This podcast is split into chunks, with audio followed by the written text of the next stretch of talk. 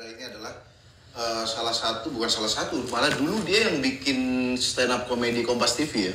Iya, iya, Jadi, Suci, Suci ya. Suci di Kompas tuh yang bikin Mas Indra. Hmm. Karena kalau nggak ada Suci, jam segini saya menjadi perawat.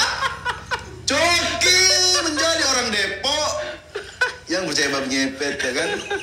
Tapi gara-gara Mas Indra dulu bikin Suci di Kompas, banyak sekali orang-orang ya jadi punya eh, karir baru di stand Kalau nggak ada Mas Indra, Ernest Prakasa tidak akan dapat Sutradara ya? jalannya menjadi Oh, sutradara. oh, iya. Men, banyak konten-konten luar biasa ada. Bahkan Dangdut Akademi salah satunya lo Iya, yang bikin iya, ya? iya, Ada waktu banyak di. Indosiar ya. Akademi, ya, Iya, iya. Mas Indra kalau boleh berbangga diri nih, Ya. program-program apa aja sih yang pernah lo inisiasi? Oke, jadi waktu di RCTI bukan ide gua tapi kita yang bikin pertama kali Indonesian Idol. Jadi kita beli license dari uh, luar negeri waktu itu Fremantle. Jadi itulah uh, acara talent Wow. pertama ya musik. Terus waktu di RCTI The Master juga saya yang bikin. Om Deddy Kobu